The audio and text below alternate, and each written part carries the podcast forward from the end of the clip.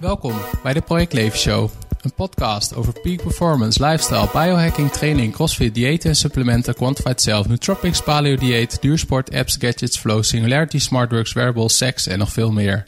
Mijn naam is Peter Joosten. In deze aflevering praat ik met Nienke Tode Gottebos, alias de Groene Vrouw.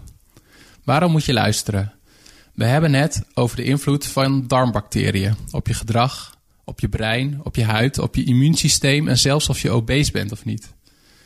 Ook hebben we het over praktische tips voor een gezonde darmflora. Van voeding die je wel moet eten, voeding die je moet vermijden en aanpassingen in je leefstijl die kunnen helpen. Tot slot hebben we het ook over waar je op moet letten als je naar het toilet bent geweest voor een grote boodschap. Voordat we starten, wil je meer weten over de Project Leven Show? Ga dan naar www.projectleven.nl/slash podcast. De show notes van deze aflevering kun je vinden op www.projectleven.nl/slash podcast streepje de groene vrouw. De groene vrouw is aan elkaar. De podcast werd mede mogelijk gemaakt door superlifestylesummit.nl. Lezingen en workshops voor en over een super lifestyle, zoals voeding, slaap, stress en sport. Deze podcast werd ook mede mogelijk gemaakt door Seeds to Meet. Kijk op seeds2meet.nl voor vergaderlocaties en werkplekken bij jou in de buurt. Kijk ook op superhumanbook.nl, waar ik al mijn tips, hacks en habits voor optimale prestaties heb gebundeld in een boek. Wat ik ook leuk vind, is als je een review op iTunes achterlaat. Here we go.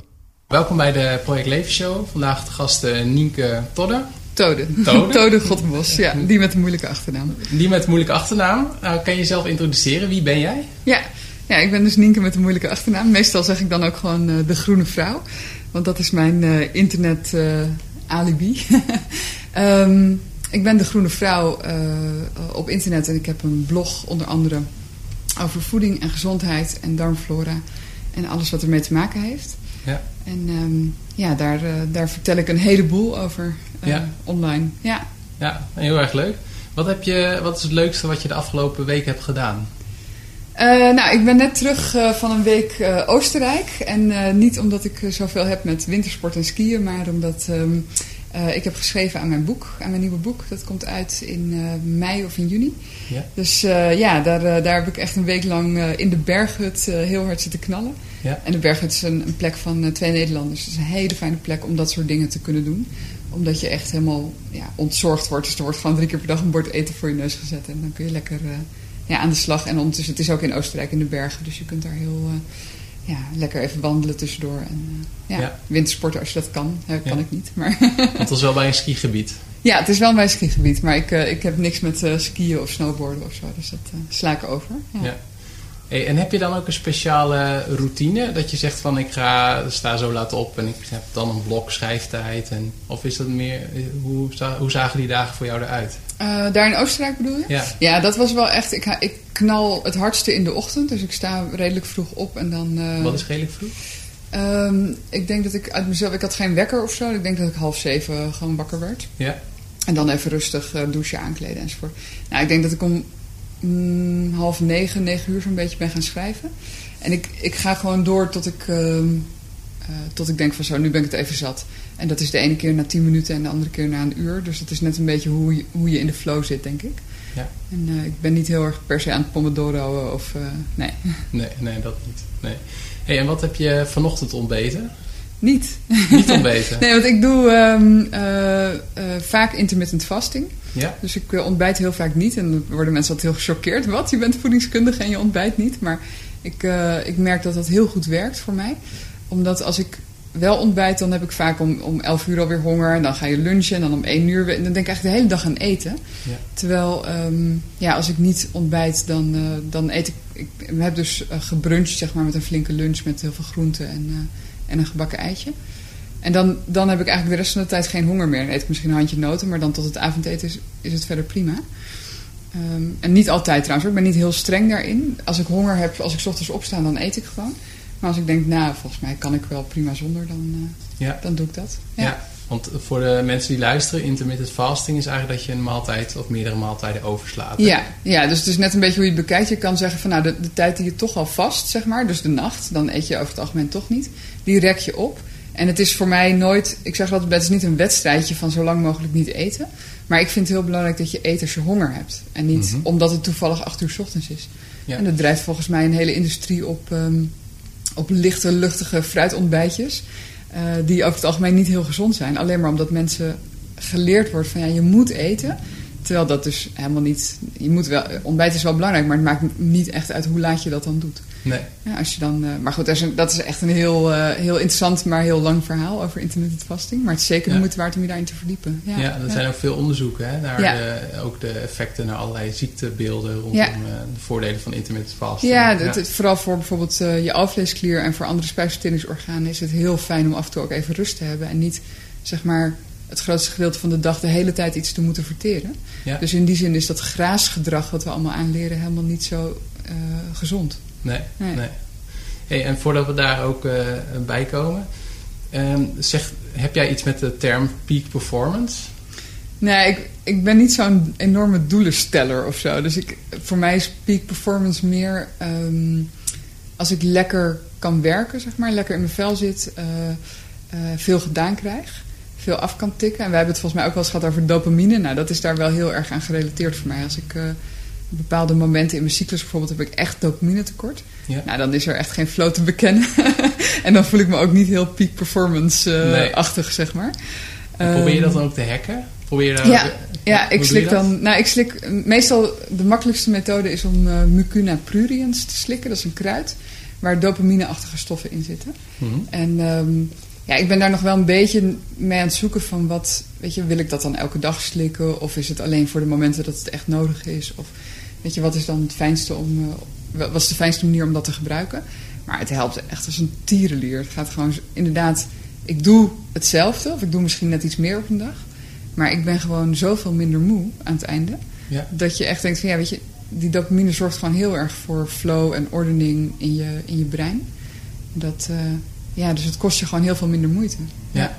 Maar en waar kun je dat kopen? Bij de- de Ehm, tuinen en dat soort winkels? Ja, dat, ik, daar kom ik nooit, want ik heb natuurlijk zelf eh, mijn eigen webwinkel. En eh, wij hebben het ook in de webwinkel staan, maar, maar het is een Ayurvedisch kruid. En eh, Ja. eh, ik denk dat je als je mucuna pruriens intoetst, dat je vanzelf iets tegenkomt eh, waar je het kunt krijgen. Ja. ja. En ik als man kan er ook eh, van Mhm. profiteren. Dus gewoon extra boost. Ja, eh, het is, ja, ja, wat ik zei, ik ben er wel een beetje terughoudend in, omdat ik denk, ja, je moet natuurlijk ook niet je eigen Nee. natuurlijke aanmaak gaan, eh, gaan eh, ja, vernachelen, zeg maar. Ja. Maar het is wel, eh, het kan zeker helpen. Ja, Ja. ja. Ja. Het wordt ook heel veel gebruikt door mensen met ADHD bijvoorbeeld. Omdat dat natuurlijk in feite is wat ADHD is. Is, is gewoon een dopamine tekort. met nog een aantal andere stukken daaraan vast. Mhm. Dus dat kan heel erg... ja, er zijn echt mensen die zeggen... nou, ik slik liever dit dan, dan de medicatie. Ja. ja, boeiend. Waarom ben je ooit gaan verdiepen in darmbacteriën? Ja. Dat te kort door de bocht? Nee hoor, ik, ehm, eh, ik heb kruidengeneeskunde gestudeerd. En daarna ben ik medische basisvakken gaan doen. Dus anatomie, pathologie. En En- kruidengeneeskunde, waar kun je, wat is dat? Waar kun je dat doen? Dat is eh, een privéopleiding, een zeg je, particuliere opleiding. En ehm, duurt drie jaar. Dat heb je na je middelbare school gedaan? Ja, ja. en ehm, eh, heel interessant. En de, de- degene die ik heb gedaan is vrij aards. Dus je kunt dat natuurlijk heel zweverig maken. Maar basically zijn kruiden gewoon... En die bevatten gewoon stoffen zoals die dopamine bijvoorbeeld. Mhm. eh, die een actie hebben in je lichaam. Dus eh, op die manier sta ik er ook wel in. Ehm, maar tijdens medische basisvakken kwam ik er eigenlijk achter van... ja, die kruiden zijn super interessant... maar is niet de basis van eh, gezondheid. En de basis van gezondheid komt uit... krijg je alle voedingsstoffen binnen... en, en die darmen spelen ook een hele belangrijke rol. Dus voor mij zijn nu de drie pijlers onder gezondheid... zijn voeding, darmflora en leefstijl. Mhm. En die kruiden kunnen wel helpen om dat dus te hacken, hè, of, of om een duwtje in de goede richting te geven. Ja, Maar het is niet de basis van het vaak. Je kan met kruiden heel veel doen, maar als iemand zijn voeding niet goed is, dan krijg je het toch niet voor elkaar om, daar, eh, eh, ja, om dat helemaal recht te trekken, zeg maar. ja. Ja. Dus, dat, eh, dus toen ben ik meer de, de, de darmflora ingegaan en de voeding later ook. Ja. Ja. En die darmflora, heb je dat dan ehm, autodidactisch aangeleerd na je basisopleidingen? Of heb je daar ook nog speciale cursussen Ja, eh, ik heb, daar, ik heb daar gewoon een, eh, ja, een soort opleiding bijscholing in gedaan. Oké, Van waar het laboratorium. Ja, het laboratorium waar ik nu eh, veel ook ontlastingonderzoeken laat doen. Ja, Want ik heb dus ook een praktijk. ehm, waarin ik mensen help hiermee. En dat, dat gebeurt heel veel via ontlastingonderzoeken. En dat laboratorium heet RP Sanitas Humanus. Mhm. En dat, uh, daar kun je dus dit soort onderzoeken laten doen. Het is eigenlijk een heel gewoon, normaal, regulier lab. Ja. Uh, alleen wat meer gespecialiseerd echt op die ontlasting en op wat je allemaal... En dus um, uh, zij doen ook heel veel educatie. En daar heb ik denk ik wat het grootste gedeelte van mijn opleiding ja, gedaan. En nog wat bijscholingen her en der natuurlijk. Ja. Ja. ja. ja. En wat fascineert jou dan zo daaraan? Ja, goh, wat fascineert me daaraan? Het, het fascineert me denk ik vooral dat je dat het zo de basis is. En dat, het, dat die darm, darmgezondheid en darmflora zo verschrikkelijk veel invloed heeft op de rest van je lichaam en je gezondheid en ook je performance en op alles eigenlijk. Mhm. En zelfs op het brein en um, op je huid bijvoorbeeld. Heel veel mensen met eczeem en astma hebben een probleem met hun darmflora. Uh, dus het, het is zo de basis en dat, dat vind ik interessant. Dat je echt de onderste steen zeg maar, pakt, de eerste domino steen van wat is er aan de hand? Weet je, waarom werkt het niet zoals het hoort te werken? Ja. Uh, en, de, en ik, vind, ik hou heel erg van logica, dus ik vind een systeem wat logisch in elkaar grijpt echt ontzettend boeiend. En dat is bij die darmflora heel erg. Dat communiceert met je immuunsysteem en met ja, nog zoveel andere systemen in je lichaam. Dus dat, als het allemaal goed gaat, dan klopt het ook allemaal. En dat vind ik echt heel, uh, ja. heel gaaf. Ja. ja, nou ik heb er echt een heleboel vragen over. Want um, uh, wat bedoel je met het is een logisch systeem? Is het in de zin van als ik een bepaalde interventie doe, zoals bepaalde supplementen of voeding, dat je dat dan direct terugmerkt? Of is dit die logica nee. ergens anders in? Ja, het zit meer, meer in de fysiologie ervan, dus de werking ervan. Dus bijvoorbeeld uh, hoe een baby geboren wordt. Dat er nu ontdekt wordt van, nou ja, uh, de baarmoeder heeft al zijn eigen microbiome, dus er zitten al bacteriën in. Ja. En die primen, zeg maar, de darm van die baby. Uh, bereiden, de, bereiden de, de, darm van de baby voor op de komst van de bacteriën straks. Nou, dan gaat, wordt de baby geboren en dan krijgt hij de eerste hap darmflora van zijn moeder. Uh, via de vagina en de anus. Dus het klinkt een beetje vies, maar dat, Ja. dat hoort dus zo. En ja, dat is denk ik iets te lang verhaal om helemaal uit te leggen. Maar hoe dat dan zeg maar allemaal in elkaar grijpt en al die stappen die gezet worden. Ja. ehm, dat is een heel logisch geheel, zeg maar. Ja. Als je dat, en bijvoorbeeld borstvoeding, de darmen van een baby staan een heel klein beetje open. Dus er lekt niet poep uit, maar wel hele eh, grote brokken voedingsstoffen. Dus hele eiwitten bijvoorbeeld. En borstvoeding is daar helemaal op afgestemd. Weet je, dus daar zitten geen hele eiwitten meer in. Er zitten alleen maar losse voorverteerde aminozuren in. Ja, Oké. dat vind ik echt fascinerend dat het allemaal zo Ja. ja, werkt, zeg maar. Ja. Ja. En dat is wel een mooi bruggetje naar de invloed van je darmbacteriën. Want klopt het dat ik een on, laatste keer heb gelezen dat het ook een significant verschil is tussen kinderen die met een keizersnede zijn geboren ten Ja. opzichte van een normale geboorte in ook ehm, mentale aandoeningen, om het zo maar te zeggen. Ja, nou, dat onderzoek waar je naar eh, verwijst ken ik niet, maar ik weet wel dat daar heel veel eh, onderzoek nu naar gedaan wordt. Ja. Dat die darmen en die darmflora hebben dus enorme invloed ook op je brein en je, de werking van je hersenen. En eh, of je alle, bijvoorbeeld die dopamine, hè, 80% van je dopamine wordt aangemaakt in je darmen. Dus ja, dan moet je dat wel, moet dat wel eh, goed lopen. En dus je kan je voorstellen dat als er tekort is aan darmbacteriën, dan heb je ook tekorten aan bijvoorbeeld die neurotransmitters. Ja. Ehm, dus dan, nou ja, ik zal niet zeggen dan krijg je autisme, maar dan worden de symptomen van autisme bijvoorbeeld of ADHD worden wel versterkt. Ja. En dat soort aandoeningen zijn niet, eh, zijn nooit, je kunt nooit één ding zeggen van hé, hey, dat is het dan. Maar het is vaak een combinatie van heel veel factoren. Ja. En daar speelt zo'n darmflora wel een hele belangrijke rol in ook. Ja. ja. Want het- het- je hebt ook meer darmbacteriën dan er cellen in je lichaam zijn, Ja, toch? ja ongeveer tien keer zoveel bacteriën dan cellen en ongeveer honderd keer zoveel bacterieel DNA dan eigen DNA. ja. Dus dan kun je natuurlijk wel afvragen van ja, zijn we eigenlijk van onszelf of zijn we gewoon een soort wandelend bacterievat? Ja.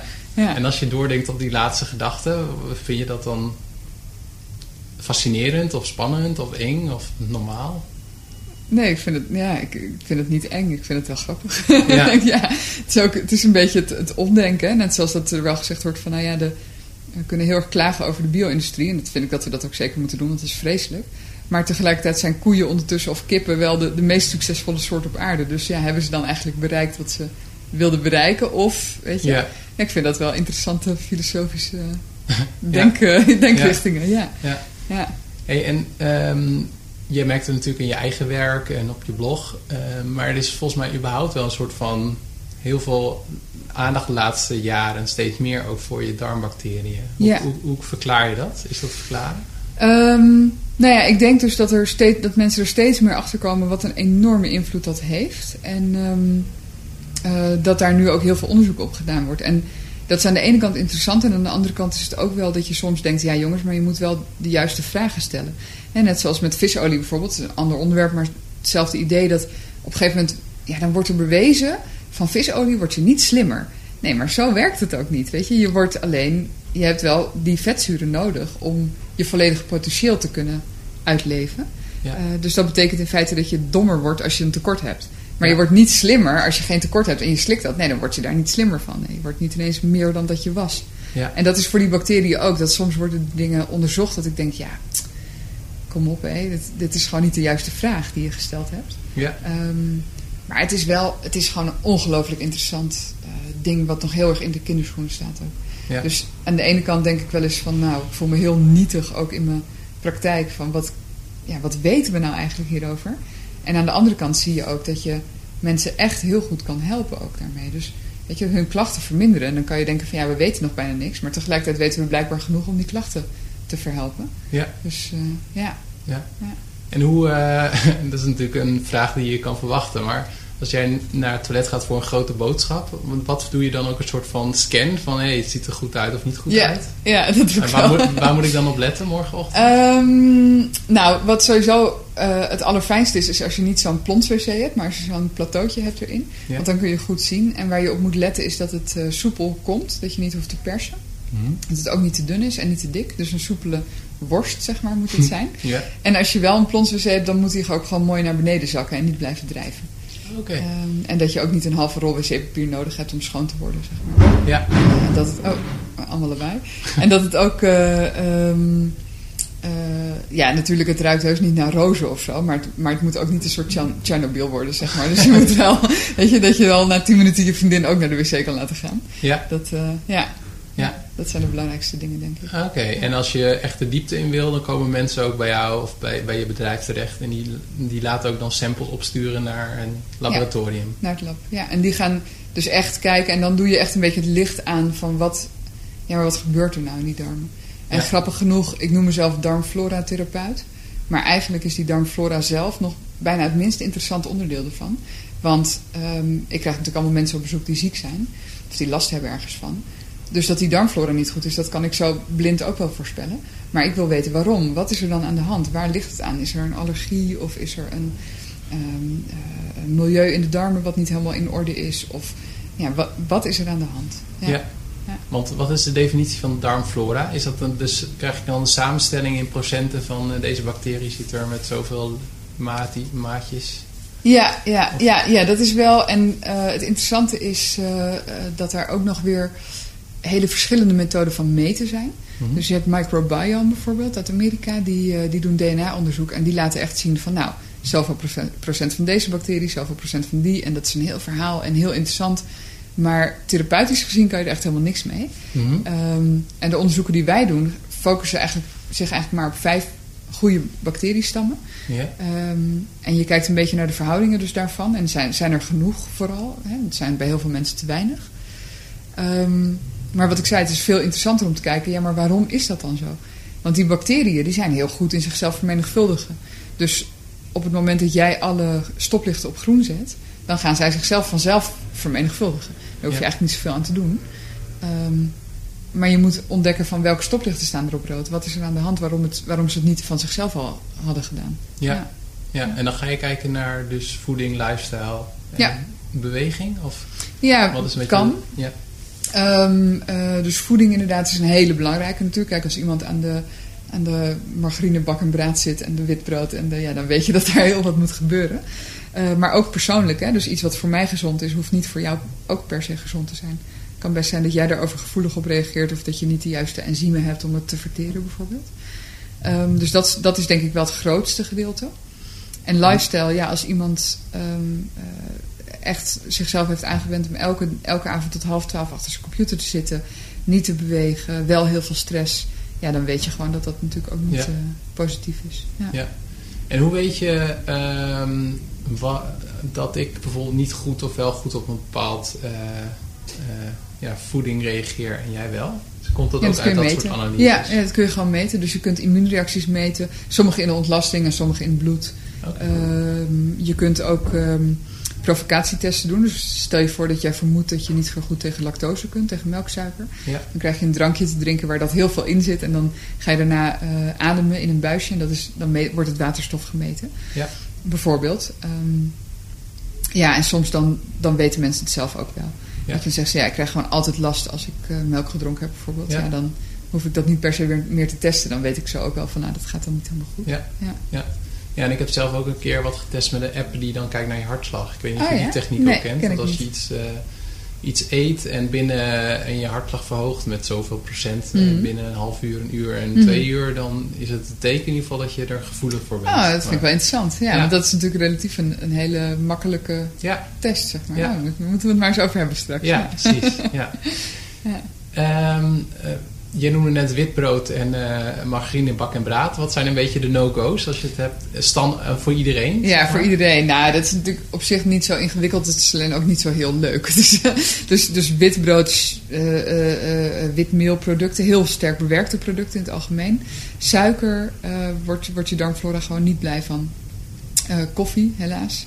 En ehm, eh, ja, ik denk dat dat wel de belangrijkste dingen zijn. En voor de rest zijn er een heleboel producten waar gewoon heel veel discussie over is. En wat denk ik ook heel persoonlijk is. Oké, Ja. nu kun je een voorbeeld in die categorie noemen, waar veel discussie over Ja, is. bijvoorbeeld eh, granen en gluten en, en volkoren. Ja. Weet je, er wordt gezegd je moet meer vezels eten. En dan denken mensen gelijk aan eh volkorenbrood. Ja. Maar het is heel erg de vraag of dat wel de meest optimale eh, bron van vezels is. Ja. En sowieso gluten, daar bestaat ook binnen de, ja, hoe zeg je dat, binnen de therapeutenwereld en de, en de voedings, voeding- en gezondheidswereld heel veel discussie over. Van is dat nou voor iedereen slecht per definitie? Ja. Of zijn er ook mensen die dat best wel kunnen eten, of een beetje? Of, en er zijn ook mensen die zeggen, nou ja, zolang jij gezond bent. Kijk, het is voor niemand zijn darmen echt goed, maar zolang jij gezond bent en je eet er niet te veel van, Ja. herstelt dat zich wel weer. Ja. Ehm, ja, dus dat is heel, heel interessant. En ik eh, probeer ook altijd met cliënten samen te kijken van wat is haalbaar. Weet je, het moet wel een beetje, je moet wel een beetje leuk kunnen blijven leven. Ja. Maar dat je niet eh, elke, elke week bij de McDonald's moet eten, ja, dat, dat lijkt me toch wel een soort evident, zeg maar. Ja. Ja, en ik heb ook wel eens echt tegen iemand gezegd: luister, als jij gewoon eh, heel erg van cola houdt. En, en, weet je, en je wil niet stoppen met dat te drinken, ja, dan, dan houdt het wel hier op, want dan bereik ik natuurlijk ook verder niks. Ja. ja. Nou, cola vind ik wel interessant, want daarvan zou je zeggen dat is niet goed voor je darmflora. Maar toch als ik in het verre buitenland op reis ben, ik heb last van, van mijn darmen, dan Ja. dronk ik altijd cola en bananen. Ja. Is, is dat dan... Ja, het is een beetje een labmiddeltje, omdat het vrij zuur is. Dus er overleeft gewoon niks. Daar komt het eigenlijk op neer. Als je cola drinkt en er zit een parasiet of zo in je maag, dan gaat die misschien wel dood. Ja. Maar ja, je kan je voorstellen dat als het dan uit je maag doorgaat naar je darmen, wat er dan met je eigen darmflora gebeurt. Ja. Die is daar ook niet echt. Ja. En- dan uiteindelijk verzwak je dus jezelf alleen maar. Omdat die darmflora juist weer een hele belangrijke rol speelt in het verdedigingsmechanisme wat je hebt. Ja. ja. En ehm, eh, wat zijn nou in alle analyses die je hebt gezien wel de meest voorkomende... Wat zijn, is er een soort van veel voorkomende dingen die mis zijn tussen aanhalingstekens in de Ja. darmflora van mensen? Ja, ja wat, ik, nou, wat eigenlijk gewoon iedereen heeft, is echt een tekort aan de juiste bacteriën.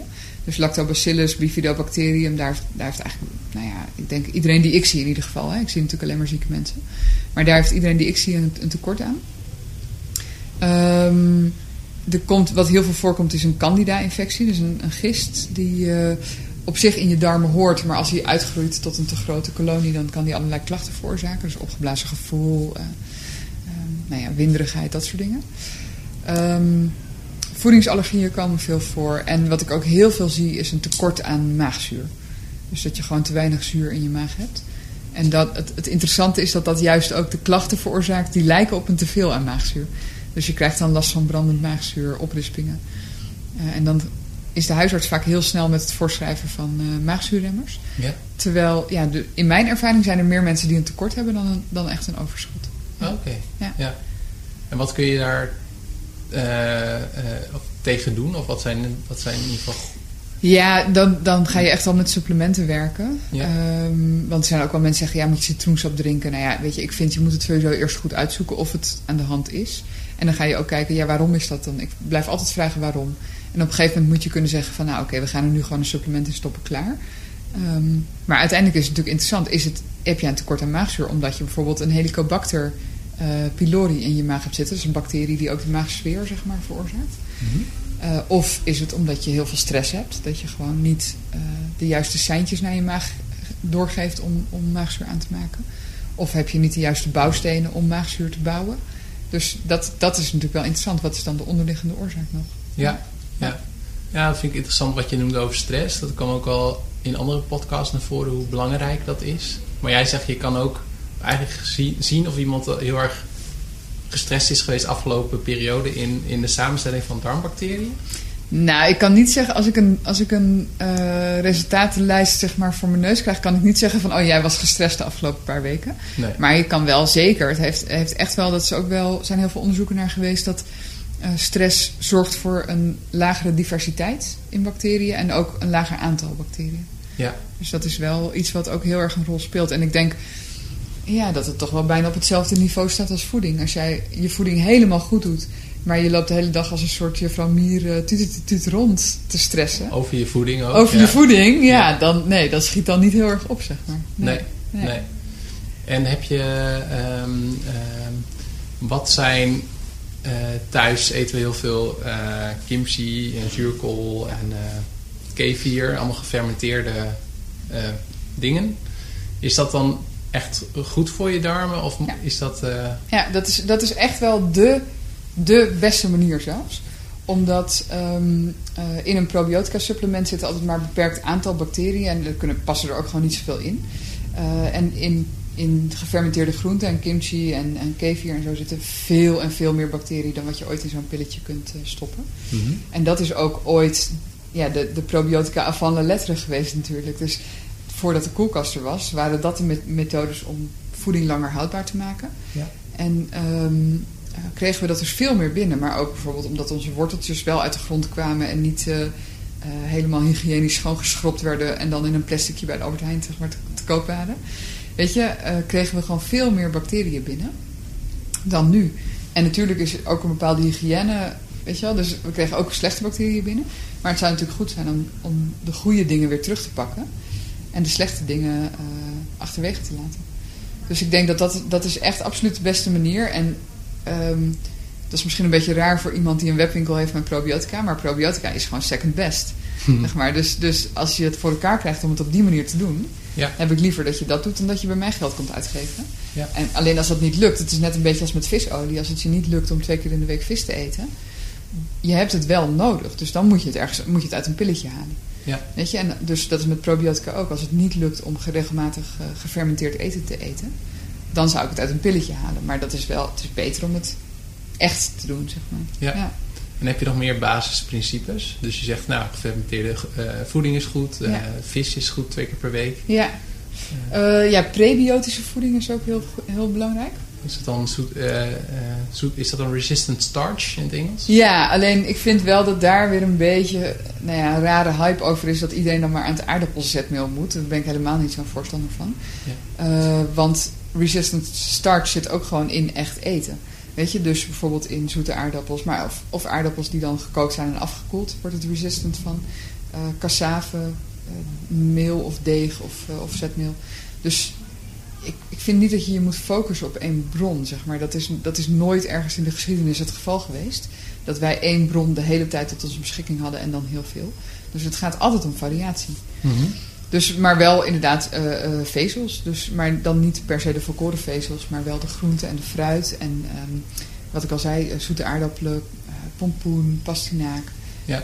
Dat zijn echt hele interessante bronnen van vezels. Ja, maar die moeten dan eigenlijk weer eerst afkoelen, net als rijst. Ja, vind ik niet per se hoor. Nee. Want je kunt dat ook. je, kunt, je kunt die. die ehm, nou, dat gaat een beetje te diep chemisch in. Maar je kunt, je kunt dat ook prima gebruiken. op het moment dat het niet weer terug resistant is geworden, zeg maar. Ja, Ja. ja. Want ehm, kun je mij nog vertellen hoe dat dan precies werkt? Want dat is prebiotica en dan Mhm. daarboven heb je probiotica. En Ja. zoals ik het al heb begrepen is dat de prebiotica legt een soort van het fundament. En daar kan de probiotica weer op groeien. En Ja, klopt dat Ja. een beetje? ja, ja want, want prebiotica is de voeding voor de bacteriën. Dus Ja. de, de probiotica, ik zei al, bacteriën zijn op zich heel goed in zich vermenigvuldigen. Mhm. Als je maar zorgt dat ze dat kunnen doen. Dus als jij het milieu creëert in je darmen eh, waar ze een beetje blij van worden. En, ehm, en je geeft ze te eten. ja, dan in theorie, weet je, als er niks in de weg staat, dan, dan gaan zij gewoon groeien. Dus ehm, eh, die prebiotica zijn inderdaad de voeding. Dus dat, daar, de, die, die moet je wel hebben ook. Want anders dan slik je probiotica en dan maak je eigenlijk alleen maar hele dure poep. Want dan gaan Ja. ze gewoon dood en dan verdwijnen ze weer. Ja, Ja. ja. Ja. En ehm, dingen als Yakult, is dat, dan, eh, is dat dan goed voor je? Is dat een probiotica? Ja, het is officieel een probioticum. Ja. Maar ik ben er niet, eh, ik word er niet gelukkig van. Want het, het is een, een drankje waarin één stam verwerkt is. Waar ze dan wel wat onderzoek mee hebben gedaan. Maar het, hè, je hebt 700 tot 1000 stammen in je, in je darmen zitten. Dus je kan je voorstellen dat één stam, ja, dat, dan geef je ergens een heel klein duwtje en dat is het dan. En weet je, de reden dat het voor mensen werkt is dat, het vaak, eh, dat ze vaak zo deficiënt zijn, dat ze zo te weinig hebben, dat wat je ook toevoegt helpt al. Maar dat wil natuurlijk niet zeggen dat het niet heel veel beter kan nog. En bovendien zit in Yakult ook nog een hele klap suiker of zoetstoffen. Nou, daar, daarvan is allebei ook aangetoond dat het niet echt lekker is voor je darmflora. Dus ik denk niet dat dat de manier is. Dan kan je beter gewoon echt een goed probioticum nemen. eh, waar niet al te veel toevoegingen aan toegevoegd zijn. En het liefste ook als je op kwaliteit wil mikken, dan kies je iets waar de stamnummers eh, bekend zijn. Ehm, want dat zijn ook de stammen waar dan onderzoek mee gedaan is. Mhm. Hoewel ik ook wel eens denk dat dat niet. Tenminste, ik heb wel eens een microbioloog gesproken en die zei: ja, het maakt eigenlijk niet eens zo heel veel uit welke stammen het zijn, zelfs. Ehm, eh, als ze maar bepaald DNA hebben. Dus dan kunnen ze zelfs bepaalde eigenschappen van elkaar overnemen. Bijvoorbeeld het produceren van zuur. Het maakt niet zo heel veel uit of dat door een, eh, door een bifidobacterium gebeurt of door een lactobacillus. Als het maar geproduceerd wordt. Ja. En dat vind ik heel interessant. Maar daar, ja, weet je wat ik zei, het staat nog heel erg in de kinderschoenen. Ja. Dus tot die tijd kan je ook zeggen van nou, we weten van die en die stam dat het eh, reizigersdiarree bijvoorbeeld beperkt. Nou, dan lijkt het me handig om die mee te nemen als je op reis gaat. Zeg maar. Ja. Ja. Je noemde net even suiker en zoetstof is echt heel slecht voor je darmen. Waarom is dat? Omdat het een milieu creëert in je darmen waar, eh, waar je eigen bacteriën zich niet al te lekker in voelen. Mhm. Maar dingen zoals candida bijvoorbeeld wel. Dus, eh, dus ja, en wat je te eten geeft groeit. Dus als je die te eten geeft, dan, dan krijgt die de overhand. En het is één groot ecosysteem. Het is een soort jungle met, met oorlog en al. Ja. Dus op het moment dat die te eten krijgt, gaat die stoffen produceren waar die zich lekker in voelt. En daar gaat je eigen darmflora, je goede bacteriën, gaan daaraan onderdoor. ja. Dus je moet altijd zorgen dat je goede bacteriën juist eh, ja, de upper hand houden. Ja. Zodat ze de rest onder de duim kunnen houden. Ja. ja. En dat zit met name in suiker. En wat meer, of, Ja, ja suiker, bewerkte producten, witmeel. ehm, ik denk dat, dat, dat ja, hoe zeg je dat, de, gewoon, de echte, echte bewerkte moderne voeding, ja. dat is bijna allemaal eh, ja, niet om blij van te worden, zeg maar. Ja. Ja. En hoe reageren jouw cliënten als je zegt van eh, nou, de, ja, de knorwereldgerechten en eh, Ja. bak en braad en zo eh, moet allemaal Nou ja, uit? ja, weet je, ik, ik ben gewoon heel duur, dus ze komen alleen bij me als ze echt gemotiveerd zijn. Ja. nee hoor, dat valt wel mee. Maar qua uurprijs is het allemaal niet zo interessant. Maar het is, het is, die onderzoeken met name zijn niet heel goedkoop. En ehm, eh, dat betekent ook dat mensen echt gemotiveerd zijn als ze bij me komen. Ik denk dat 9 van de 10 al het blog gelezen hebben, al bezig zijn met goede voeding. Dus die horen niet heel veel nieuwe dingen. Eh, en, en die anderen die zeggen gewoon van ja, oké, we gaan ervoor. En ik heb ook cursussen om, om ze daarin te begeleiden. En wat ik al zei met die cola, als iemand echt zegt van ja, maar ik ga gewoon niet, niet veranderen. Ja, dan houdt het voor mij ook echt op. Want dan, Mhm. dan heb ik daar ook niks, ja weet je, dan kan je er niks in. eh, Ja. Dan ga ik ook niet eh, allerlei supplementen er tegenaan gooien. Vind ik echt een beetje zonde dan. Ja. En de impact van alcohol op je darmflora? Ja, is best wel pittig. Want Ja? alcohol, eh 1 tot 2 glazen per dag, zorgt al voor een meer, ehm, hoe zeg je dat? Een, een grotere kans op eh, overgroei van bacteriën in je dunne darm. En die bacteriën horen eigenlijk vooral in je dikke darm te zitten. En als ze opstijgen naar je dunne darm, dan krijg je dus de navertering die die bacteriën eigenlijk doen, die krijg je dan al hoger in je darmen. En dan krijg je ook kun je oprispingen, opgeblazen gevoel, buikpijn, dunne ontlasting. En daar krijg je dus zeker een grotere kans op als je, als je regelmatig alcohol drinkt. Ja. Ja. Ja. ja. Maar ja, aan de andere kant mag je voor mij altijd wel weer eieren met spek en, en, en roomboter en zo eten. Dus het is niet alleen maar ellende, gelukkig. ja. Want heb je, eh, ik- ik denk als ik jou zo inschat van niet, maar heb je een soort van label wat je op je ook hoe je zelf eet zou pla- plakken? Is dat zeg maar paleo-achtig? Of is dat... Ja, het is paleo-achtig, ehm, maar het, het komt het meest overeen met Western Price. Ik weet niet Mhm. of je daar mee bekend bent, WAP, Western A. Dat is Price een- Foundation. Het deed onderzoek naar tanden, toch? Ja, dat was eh, een tandarts uit de 19e eeuw en, eh, en heel interessant. Die is over de hele wereld gaan trekken om te kijken van ja, hoe zit het met de tanden van al die andere mensen. Ja, en ook van inheemse... Inheemse stammen, ja. Dus maar ook niet alleen Afrika, maar ook eh, de, de bergen van Zwitserland en de kust van Ierland. En Ja. iedereen die nog traditioneel at en leefde.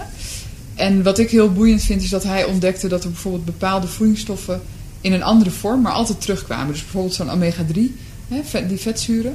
De een eet vis, de ander eet melk van koeien die gras hebben gegeten, maar het zit er altijd in op de een of andere manier. Ehm, en wat hij ook ontdekt heeft, en dat vond ik ook heel boeiend, was ehm, dus die, die tanden en die kiezen waren veel beter dan wat ze in Amerika gewend waren. En de kaaklijn was veel breder, dus die tanden pasten er ook veel beter in.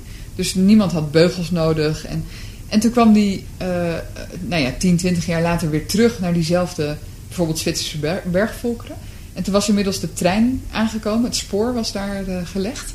En daarmee hadden die mensen ook toegang tot ehm, eh, witbrood en shamsiroop en al die mo- moderne zeg maar, voedingsmiddelen. Eh, en en eh, het interessante is dat binnen één generatie werden die gezichten veel smaller, werden de kaaklijn werd veel smaller en pasten al die tanden ineens niet meer erin. Dus kregen ze allemaal scheve tanden. Echt ook soms de oudste broer had dan nog rechte tanden en de jongste broer helemaal scheef. Weet je, dus dan zie je dat het niet een genetisch verhaal is, maar dat het echt ja, die verandering in voeding is geweest. Ja, Ja, vind ik heel interessant. ja. Oh, dat is wel heel boeiend. Dat het ook al binnen één generatie dan helemaal Ja. kan eh, veranderen. Ja, dat is echt heel. Dus echt, eigenlijk al binnen één. Ja, binnen, binnen het krijgen van één kind, zeg maar, heb je daar al invloed op als, eh, als toekomstige ouder. Ja. Eh, en die Western Price voeding, ja, dat is natuurlijk een heel verhaal, maar dat is eigenlijk een beetje paleo met ehm, wel wat granen en bonen, maar dan op, een, op een bepaalde manier klaargemaakt. Dus, dat je de bonen gaat weken. gaat weken. Ja, precies. Ja. Ja. En, en daar voel ik me het meest in thuis, omdat hij ook vooral hij heeft het niet bedacht. Hij is, hij is echt gewoon gaan observeren wat al die Mhm. mensen deden. En dat vind ik het interessantste. Ja. Ehm, wat zou ik er nog over zeggen? Oh ja, en ik ben heel erg van de 80-20. Dus ik vind ook... eh, ja, je moet wel... Ja, weet je, ik eet ook wel eens... eh, ik denk dat ik één keer per jaar een keer bij de, bij de Burger King. Of zo. McDonald's vind ik echt vies, maar Burger King. en we eten heus wel eens patat en, of een pizza. Of weet je, daar moet je ook allemaal niet al te ingewikkeld over doen. Ja. Maar het gaat om de verhouding. Ja, ja. Nee, zeker. Ik, ik eh, voor mezelf ook. En zeker met McDonald's ben ik, je ook, ben ik het ook een beetje eens. Maar ik heb er altijd heel veel zin in. En dan knalt het echt als een blok op mijn maag. Ja, eh, zo- ja het, is ook, het moet ook niet vaker dan, eh, dan één keer per jaar of zo. Want als ik dat dan de week erop nog een keer doe, vind ik het echt smerig. Maar Af en toe mag het. ja, zo Ja. af en toe dan denk je, of dan komt het zo uit en dan denk je, nou, come on. Ja. Ja. Ik ben nog even benieuwd naar die... We gaan een beetje van de hak op de tak. Ehm, maar dat is niet ding niet erg. Eh, ik was nog even benieuwd naar die samenstelling van die darmbacteriën. Want klopt het ook dat je eh, dat obese mensen hebben ook een andere samenstelling tussen twee Ja. bacteriën dan, dan ten opzichte van andere mensen? ja, ja. En is dat dan oorzaak of is dat een gevolg? Nou, dat wel- weet ik eigenlijk niet zo goed. Volgens mij weet niemand dat nog echt. Het is wel be- bekend inderdaad dat mensen met obesitas bepaalde bacteriën hebben en bepaalde juist, bacteriën juist minder hebben. En dat, wat ik heel interessant vind, is dat je nu ook bijvoorbeeld die poeptransplantaties, ik weet niet Ja. of je dat, hè, dat, en dat er bijvoorbeeld ehm, mensen geïmplanteerd worden, zeg maar, met ehm, eh, eh, ontlasting van een gezond persoon die wel verder eh, eh, te dik is. En dan werden ze zelf ook dikker. Weet je, of andersom, dat ze ge- geïmplanteerd werden met, met ontlasting van een, van een slank persoon. Werden ze, dus het heeft er absoluut mee te maken. Ook al bijvoorbeeld als je weet dat die bacteriën ook invloed hebben op je gedrag bijvoorbeeld. Dat je eh, zin kan krijgen in andere voedingsmiddelen. Maar of het, het kan ook zijn dat het gewoon allebei een, ehm, eh, een gezamenlijke oorzaak heeft. Dus dat, dat vind ik lastig om te zeggen. En ik denk ook zeker niet, en net als met wat ik net zei over autisme en ADHD. Het is niet zo dat als jij dan een probioticum slikt, dat alles opgelost is natuurlijk. Want dan zat er al lang iemand met zijn rijke kontje op Aruba. En dat is gewoon niet zo. Weet Ja. je, dus eh, ja. Ja. Ja. En ehm, waar ik ineens aan moest denken van, zijn er ook andere manieren... eh, je, we hebben het even over voeding gehad, we komen zo meteen nog even over lifestyle en zo te, te praten. Maar ik dacht, heb je ook bepaalde oefeningen dat je je darmen stimuleert door erop te drukken of zo? Of is dat... Ja, je, kunt, je zou een massage kunnen doen. Ehm, en ik heb bijvoorbeeld eh, ik heb een cursus over darmflora en darmgezondheid. En daar gaat ook een hele les over eh, eh, ontspanning en beweging bijvoorbeeld. Mhm. En ik doe zelf yoga. Ja. En dan niet die, die lekkere flurry-flurry ontspannende yoga, maar Iyengar. Dat is best wel een pittige vorm. En ja, dat merk je ook. Als je dat een week niet doet, dan, dan merk je echt dat je daar... en bijvoorbeeld buikspieren. Ik denk dat bij heel veel mensen de buikspieren niet meer optimaal zijn. Bij mij ook niet overigens. En dan krijgen je darmen eigenlijk te veel ruimte, als het ware. Ah. En kunnen ze ook hun knijpbewegingen minder goed maken. Ja. Dus je kunt daar zeker ook heel veel zelf eh, aan doen. Ja, Ja. Maar tegelijkertijd is het ook, als je jezelf al moet masseren om die ontlasting eruit te krijgen, dan is het natuurlijk al te laat. Dan is er al ergens anders iets misgegaan. Ja. Hè, waardoor, waardoor je echt verstopping hebt gekregen. Ja. Maar ja, dat kan, dat kan wel helpen om dat eh, ja, te verminderen. Nee, ik was laatst op een, eh, op een conference en dan ging het dan over ademhalingstechnieken. Hmm. En dat was ook dat je naar bepaalde eh, delen van je buik gaat ademhalen. Ook een soort Ja. van mindfulness over je ademhaling. Maar een van de bijkomende effecten waar, die zij aangaven... is dat je dan ook een soort van ja, massage doet naar bepaalde onderdelen van Ja. je buik. Dat Ja. vond ik ook wel interessant. Ja, en dat, dat vind ik ook wel fascinerend. Ik ben natuurlijk officieel eh, natuurgeneeskundige. Ik zit wel denk ik vrij aan de wetenschappelijke kant van het spectrum. Maar, maar eh, de holistische visie, waarin, waarin alles met alles samenhangt, ja, dat vind ik heel boeiend. En dat, is, dat zie je ook, weet je. Want inderdaad, op het moment dat je eh, verstopping hebt bijvoorbeeld, gaat je ademhaling vaak hoger zitten. Voel je je zenuwachtiger, kun je ook minder goed naar de wc. Dus het heeft allemaal met elkaar te maken. Ja, Ja, Ja. ja. dat vind ik wel interessant om daarover door te gaan. Want we hebben het al een beetje gehad over stress en eh, lifestyle aan zich. En sport dus. En waar let je verder op qua lifestyle? Ehm, nou, ik denk dat je dan toch wel de, de belangrijkste dingen te pakken hebt. Eh, ik vind het zelf ook heel ingewikkeld, want ik ben echt wel workaholic en, eh, en ik heb ook een, een druk bedrijf, zeg maar. Om, ja, om daar, eh, om jezelf niet gestrest te hebben. Ja. Ik las laatst een stukje van Ralf Moorman, ook een bekende man in dit vak. Hele interessante verhalen heeft hij ook altijd. En die zei, die zei, ja, mensen beginnen altijd mails aan mij met... Ja, je zal het wel druk hebben. Ik zeg, nee, ik heb het niet druk, maar dat wil ik graag zo houden. Want ik hou me gewoon aan mijn eigen richtlijnen. Ja. En dat vind ik heel eh, bewonderenswaardig, zeg maar. Ja, ja dat is echt heel, eh, vind ik ook heel belangrijk. Dus ik worstel daar zelf natuurlijk net zo goed mee, als, net als iedereen. Ja. Ja, en ja, wat nog meer? Nee, ik denk dat dat wel... slaap? Slaap, ja. Ik, ik, ik merk dat ik zelf niet... ehm, ja, hoe moet ik het zeggen? Ik, ik slaap rond half twaalf meestal. En ik word uit mezelf vrij vroeg wakker, zo zeven uur, half acht. Ja. Ik kan ook niet zo goed uitslapen. Ja. En dan voel ik me ook wel uitgerust. Maar dat is wel bijvoorbeeld een vraag die ik mijn cliënten stel. Van ga je op tijd in bed? En ook, hoe effectief, hoe is de kwaliteit van je slaap? Mhm. En dus niet alleen pak je acht uur, maar ben je ook echt gewoon uitgerust dan daarna. Ja. ja. En dat meet jij, meet je dat? Of is het zeg Nee. maar van ik ben Nee. uitgerust of niet? Ja, dat, Ja. dat hoor ik echt van ze. Omdat wij ons natuurlijk vooral focussen op die, op die eh, laboratoriumonderzoeken. En ik krijg ook niet klanten, over het algemeen niet klanten die heel diep in de quantified zelf bijvoorbeeld zitten. Nee. Dus als iemand het doet, dan vind ik het interessant. Ja. En vooral omdat je kunt, heel goed kunt ehm, sturen hè, erin. Dus ik zou je kunnen zeggen van... hé, hey, wat gebeurt er als ik een glas alcohol heb gedronken? Of wat gebeurt er als ik s'avonds nog even mijn telefoon check? Of Ja. weet je, dat dat heel veel invloed heeft. En dat maakt het heel aantoonbaar. Dus in die zin zou het ook wel interessant zijn voor mensen die heel hardnekkig zijn daarin... om dat eens een keer een week of twee weken lang te gaan meten. Ja. krijg je ineens ook een brainwave van... hé, hey, misschien moet ik gewoon een soort bedrijfsfitbit of zo. Ja, dat je dat ding kunt uitlenen aan mensen. Ja, Ja. Dat je het inzichtelijk kunt maken voor ze. Hoeveel Ja. ze bewegen, hoeveel te slapen. Ja, ja. En ehm, om daarover door te gaan. ehm, ik heb ook eh, onlangs een U-Biome eh, testkit ingestuurd. Eh, heb jij dat al gedaan? Commerciële Ja. Eh, Ja, nou, ik heb hem... eh, test voor particulieren? ik had hem Van al anderhalf jaar in huis. Ja. ik heb het nu gedaan. Oké. Dus ik heb de five points eh, testkit. Dus ik heb Ja. ontlasting, eh, vagina, ehm, huid, hoor. Neus? neus en nog een extra. Ik geloof dat ik. Oh ja, tepel wilde ik graag weten. Omdat ik ook eh, eh, vanuit zo wel heel erg in de borstvoeding en zo. Ik geef nu al lang geen borstvoeding meer hoor. Maar dat vond ik interessant omdat ik dacht, ja, wat zit daar dan voor bacteriën? Wat, eh, Ja. ja. Ja, maar jij wacht ook nog op de resultaten. Ja, ik, ik Ja. weet niet. Weet je hoe lang het duurt normaal gesproken? Ja, ik dacht acht weken. Oh ja, nou dan moet ik nog zeker wel een maand wachten. Ja, ja. Hey, en eh, je noemde ehm, ehm, tien minuten geleden of zo van, nou ja, we staan eigenlijk ook nog maar aan het begin. Als we het hebben over wat we weten van onze darmflora en de impact daarvan op de rest van ons lijf en leven. Wat zijn jouw verwachtingen daarbij? Jeetje, nou ja, ik, ik denk dat er altijd wel sprake is van een soort hype en mode, zeg maar. Dus op een gegeven moment zwakt, dat, zwakt de aandacht, daar bedenken we weer iets anders dan gaan we daar met z'n allen op. Maar voor mij is het wel een heel fundamenteel stuk. Dus ik hoop dat er ehm, nog veel meer onderzoek in wordt gedaan.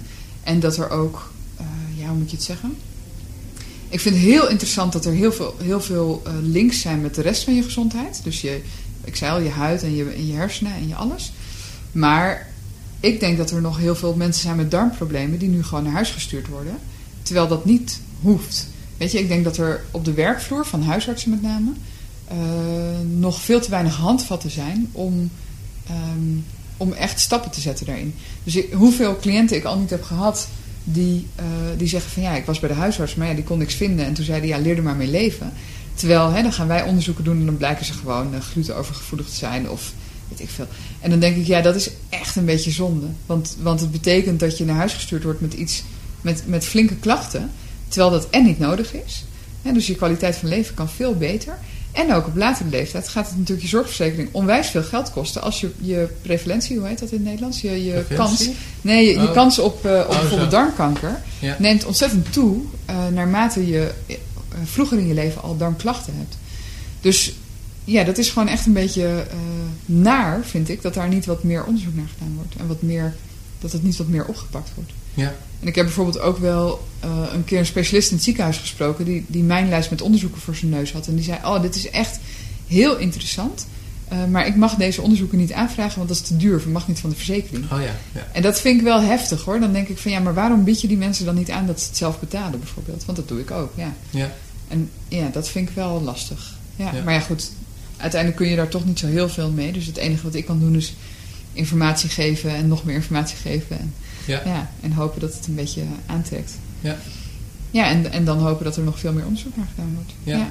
ja het lijkt me uh, interessant, want interessant veld. En um, nog een aantal vragen dan echt specifiek over jou. Van hoe, wat zijn manieren waarop jij dan bijblijft op je vakgebied? Ja, ik, ik ga natuurlijk naar, naar bijscholingen. En het interessante is ook dat ik soms het idee heb dat, um, uh, dat wij, zeg maar, in de alternatieve hoek... er wordt soms heel Jamanda over gedaan. Maar wat ik zei, wij zijn echt wel heel erg bezig met uh, wetenschappelijke onderzoeken. Echt de scherpst van de snede onderzoeken. Uh, dat dat soms nog... Ja, hoe zeg je dat? Het wordt sneller in de praktijk geïmplementeerd. Want zo logisch, want bij de, bij de reguliere opleidingen moet het natuurlijk helemaal door zo'n opleiding heen. En dan over vijf jaar studeert er dus een keer iemand af die dat heeft gehad in zijn opleiding. Terwijl bij ons is het, ja, je volgt een bijscholing en je hebt het, zeg maar. Ja. Dus dat is niet, dat wil ik wel helemaal niet zeggen dat uh, het een beter is dan het ander hoor. Want er zitten in allebei zitten hele goede uh, mensen die heel goed zijn in hun vak. Um, maar ja, het, wordt vaak wat sneller uh, opgepakt en geïmplementeerd. Dus ik volg veel bijscholingen en er zijn een aantal mensen die, die ook op internet heel goed zijn daarin. Chris Kresser bijvoorbeeld is iemand die heel interessant is om te volgen. Ja. En die, uh, ja, die heb ik gewoon op Facebook. Dus dan zie ik zo'n update van... hé, hey, er is weer een onderzoek gedaan. Uh, dit zijn de resultaten. Ja. ja, ja. ja. Hey, en nog terug uh, weer naar de glas met citroensap. Wat, heb jij een soort van ochtendroutine? Wat zijn de eerste 60 minuten als je je ogen open doet, ochtends? Um, dan... Um, uh, blijf ik meestal heel even liggen. Ga ik bedenken wat, wat ik ga doen. Ja. um, uh, ik doe planken sinds kort. Mm -hmm. En uh, nou, dat kan ik nog niet zo heel goed, maar het, het gebeurt wel. Dus dat is op je arm, Op je ellebogen, ellebogen steunen, zeg ja. maar. En dan, ja, en dan op, je, op je voeten. Ja, vasthouden. Ja. Dan doe ik heel netjes de voorkant en dan de zijkanten. Doe je dan ook al linkerarm, rechterbeen los en zo? Oh nee, nee. Superman nee, plank? Nee, nee, dat is zo. Nee, maar ik, wat ik wel bijvoorbeeld, ik zei ik doe yoga en ja. eigenlijk is dan planken vergeleken daarmee alweer een beetje pussy. Want, want bij yoga doe je gewoon gestrekte armen. Oh ja. Dus, uh, maar goed, ik ben er wel een beetje lief voor mezelf als ik net opsta. Ja. Dus dat doe ik. En um, uh, dan ga ik meestal bezig met het, want mijn zoon eet glut, glutenvrij. En ik maak een lunchtrommeltje voor hem klaar elke dag. En uh, dus met allerlei ja, hapjes. Want dat werd op een gegeven moment werd dat een beetje uh, toch elke keer rijstwafels. Ja. En toen dacht ik, ja, dat kan natuurlijk echt niet als je moeder voedingskundige is. En, uh, ja. Dus nu maak ik, uh, ja, weet je, de ene keer is dat, um, weet ik veel, een saladetje. Of ik, of ik bak een, een, een glutenvrij pannenkoekje en daar doe ik wat groenten in. Of een kaaspiesje met, weet ik veel, tomaatjes en zo. En dat allemaal bij elkaar. Dus dat, Ja. dat doe ik. Dus dat zet ik ook op Instagram. Dat is dan mijn beloning, zeg maar. Dus dat- als je dat interessant vindt, dan moet je op Instagram even En kijken. hoe heet je op Instagram? De Groene Vrouw. Ja, Gewoon aan elkaar de groene Ja. vrouw. Maar Ik zou ook een linkje opnemen in de show notes. goed. Ja, ik heet overal De Groene Vrouw. Dus ook op Twitter en op Facebook. En, eh, ja. Ja. En ehm, behalve mijn, mijn URL trouwens, dat is groenevrouw.nl. Weer heel inconsistent, ja. Eh, even kijken, wat ga ik dan doen? Ja, meestal ga ik dan eventjes ehm, ehm, mijn eh, bedrijfsdingen checken. Dus mijn social media checken. Kijken of er reacties zijn op het blog. En kijken of er reacties zijn op Facebook. Eh, ik schrijf vaak een blogpost. Dus over het algemeen maandag, woensdag, vrijdag schrijf ik een blog. En dat is, eh, doe ik ook echt op dat moment of, meestal. Nou, en dan zijn die 60 minuten alweer voorbij. Dan, ja, Ja. ja. dus Ja. dan ga ik verder met mijn dag. Ja. En heb jij een gewoonte die andere mensen raar vinden, of bizar, of vreemd? Ja, mm, weet ik niet. Mensen vinden me altijd wel raar, maar... Maar nou ja, dat ik wel, zeg maar... Dus binnen, binnen 10 minuten nadat ik je heb ontmoet aan je kan vragen van... Oh, hoe is het met je ontlasting? Als je dan per ongeluk hebt verteld dat je eczeem hebt of zo, zeg ik... Hey, hoe is het? ja, Of hooikoorts, weet ik veel wat. Eh, ja, en ik kijk achterom, dus inderdaad, als ik naar de wc ben geweest. ja, Ja, ja. Ja. Nou, misschien moeten meer mensen dat doen. dat zouden denk ik meer mensen niet, moeten eh, doen. ja. En wat wilde je worden toen je klein was? Ja, daar had ik nooit zo heel erg duidelijk eh, van ik wil dat worden. Maar wat ik wel vroeger al deed, was ehm, eh, als de leraar dan iets uitlegde in de klas en, mensen, en de kinderen snapten het niet, dat ik het dan nog een keer ging vertellen en vertalen, zeg maar. En ik merk dat dat wel ook echt, ik noem mezelf ook wel eens kennisvertaler. Dus van die echte, die onderzoeken die op de, in de ivoren torens van de wetenschap liggen te wachten tot iemand er wat mee doet. eh, ja, om die te ontsluiten, zeg maar. Of dingen die heel ingewikkeld zijn, zoals hè, je bloedsuikerspiegel en als je suiker eet. En hoe zit het dan? En wat mag je dan wel eten en wat niet? Daar zit heel veel nuance in. En mensen horen heel graag zwart-wit, want dat is lekker makkelijk. Maar dat bestaat helemaal niet. Besta- dus er zit heel veel eh, nuance in. En het vertalen van die nuance naar hoe werkt het nou in je lichaam en wat heeft dat voor praktische invulling, dat vind ik heel leuk om te doen. Ja. Ja. Ja. En ehm, als je jezelf wat hints of adviezen, wat tips mocht geven... toen jij aan het begin van je loopbaan tussen aanleidingstekens stond... dus toen je met de opleiding ging beginnen... zou je nog bepaalde dingen zeggen om het eh, in de versnelling te krijgen? Of, eh, Mm, of ben je gewoon blij zoals het is Ja, ik ben eigenlijk wel. Nou ja, ik heb wel. Ik, ik heb de eerste drie jaar van mijn HBO-opleiding heel netjes binnen de lijntjes gedaan. En toen het vierde jaar, toen ging ik verhuizen. En, eh, en toen heb ik er daarna nog drie jaar over gedaan. Dus dat was niet zo heel handig. Ja, Maar te- ja, god, het heeft ook een beetje zijn, zijn tijd genomen die ik nodig had, denk ik. Ehm, nee, ja, ja, vooral, ik denk vooral het, het ehm, wat altijd wel een beetje mijn, mijn motto is, is dat mijn bedrijf achter mij aan moet lopen en niet andersom. En dat, daar heb ik echt wel mee geworsteld tot ik ook, nou, burn-out kan ik het niet noemen, maar wel dat ik echt dacht, zo, nu moet er wat veranderen. ja, want anders dan red, het is wel, het is geen sprint, het is een marathon. Dus dat, ehm, ja, en dat gaat nu eigenlijk best wel redelijk. ja. ja. En wat, weet je dat moment nog? Dat je, was het... eh, Ja, dat was denk ik anderhalf jaar terug of zo in de zomer. Dat ik, dat ik zo moe was en dacht, nou, weet je, dit is echt niet oké. En ook steeds dat ik zelfs mijn hele leven erop ging inrichten dat ik een middagdip had om drie uur. ja, En dat ik gewoon dacht van, nou, dan wil ik dus na drie uur niet meer werken. En, eh, en later dacht ik, ja, maar dat is natuurlijk ook onzin, weet je. Ja. Ik heb on- eigenlijk onwijs veel energie. En ehm, ik moet ook zeggen dat bijvoorbeeld vitamine D heeft daar een hele belangrijke rol in gespeeld. Want Mhm. ik zat echt wel laag. Ik denk op 30 of zo. Nou, dat is echt idioot laag. Eh, want je huisarts vertelt je dan waarschijnlijk dat je op 50 moet zitten. Maar, maar mijn standaard is eigenlijk 80. Ja. Is de ondergrens. Dus ik ben daar echt wel eh, in, in gaan bijslikken ook. En dat heeft enorm geholpen. Onder Ja. andere hoor. Met, met nog wat andere dingen. Ja. dus, eh, ja. Ja. Hey, en wat is je favoriete boek en waarom? Ja, wat, wat echt, ik denk het beste boek is wat ik de afgelopen jaar heb gelezen, is The Vegetarian Myth van Lair Keith. En ehm, dan is het denk ik handig om te weten, ik ben zelf heel lang veganist geweest ook, en vegetariër. En ehm, ik ben daar echt wel van teruggekomen. Ik denk dat je best wel gezond kunt leven zonder vlees. Maar zonder, helemaal zonder dierlijke producten is echt... eh, ja, dat is... Nou ja, ik denk niet dat dat een natuurlijk eh, eetpatroon is voor de mens. En ehm, daar schrijft bijvoorbeeld Weston Price ook heel interessant over. Dat hij geen enkel eh, natuurlijk levende stam is tegengekomen... die helemaal veganistisch eet bijvoorbeeld. En wel die, die grote... Die, met meer of minder vlees of dierlijke producten. Maar helemaal vegan niet. En ja, in dat boek van Claire Keith, uh, van de Vegetarian Myth, wordt heel goed uitgelegd. Zij is ook nog veel langer veganist geweest. En wat het dan doet met je lichaam. En dat het niet iets te maken heeft met uh, dat je het dan verkeerd doet. Maar dat ook op een perfect vega-dieet, dat dat toch, ja, dat je daar echt tekorten in krijgt. Ja. En, en, en ook de hele ethiek erachter van hoe, weet je, hoe, ja, hoe doe je dat dan als je bijvoorbeeld ook wilt tuinieren of wilt uh, je eigen voedsel wil verbouwen. Maar ja, je, hebt, je wil geen dieren houden om voor de mest. En nou, ja, heel interessant. Uh, ja. En ook wat het doet in je lichaam. Hè? Dus dat je bijvoorbeeld tekorten kan krijgen aan bepaalde aminozuren, waardoor je weer bepaalde uh, stoffen, neurotransmitters bijvoorbeeld tekort krijgt. En ja, dat vind ik ongelooflijk interessant.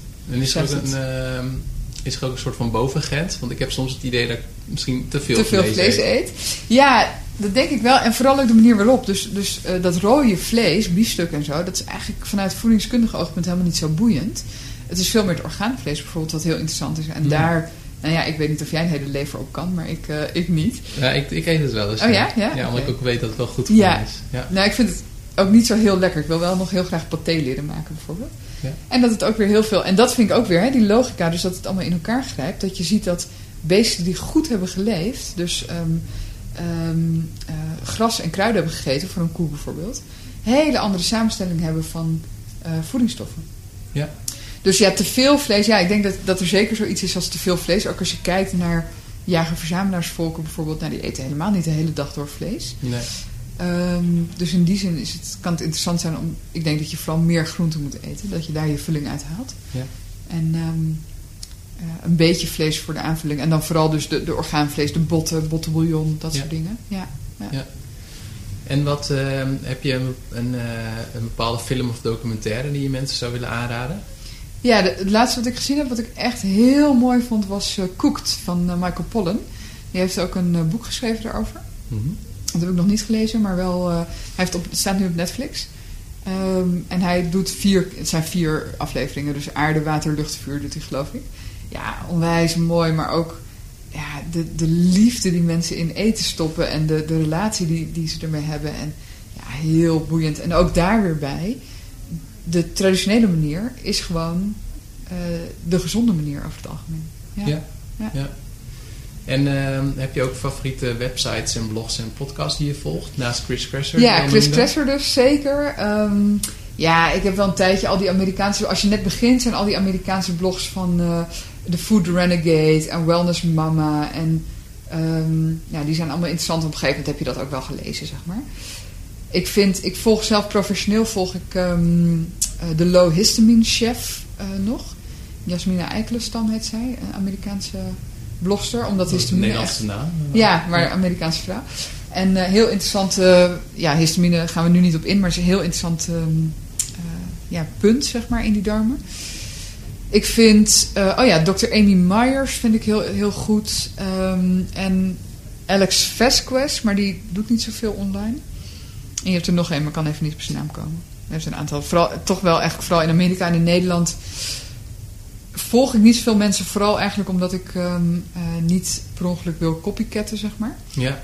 Maar als je zelf iemand zou moeten volgen, zou ik zeker Ralf Moorman volgen. Uh, Richard de Let schrijft volgens mij niet zo heel veel, maar is wel interessant. Yvonne van Sticht van oergezond.iets.nl.nu of weet ik veel wat. Mm -hmm dat zijn echt interessante mensen. Um, Sharon Newman van uh, is leuk. Ja. Nou, zijn, ik ben er vast nog een heleboel vergeten, maar die zijn allemaal wel... Uh, ja. ja. En um, als mensen straks hun oortjes uh, uitdoen, wat, um, wat zou je ze dan willen vragen? Dat ze, als ze één ding moeten gaan doen, wat zouden ze dan moeten doen? Nou, eerst even bewegen, want ik bedoel, wij hebben hier nu een uur stilgezeten. Dat vind ik echt wel weer meer dan genoeg. Ja. Het is wel heel belangrijk om even je doorbloeding weer... Uh, door een paar knie, kniebuigingen of zo. Ja, en, uh, en ga achterom kijken. Als je, als je, als je naar de wc geweest bent. Ja. Ja. ja. ja.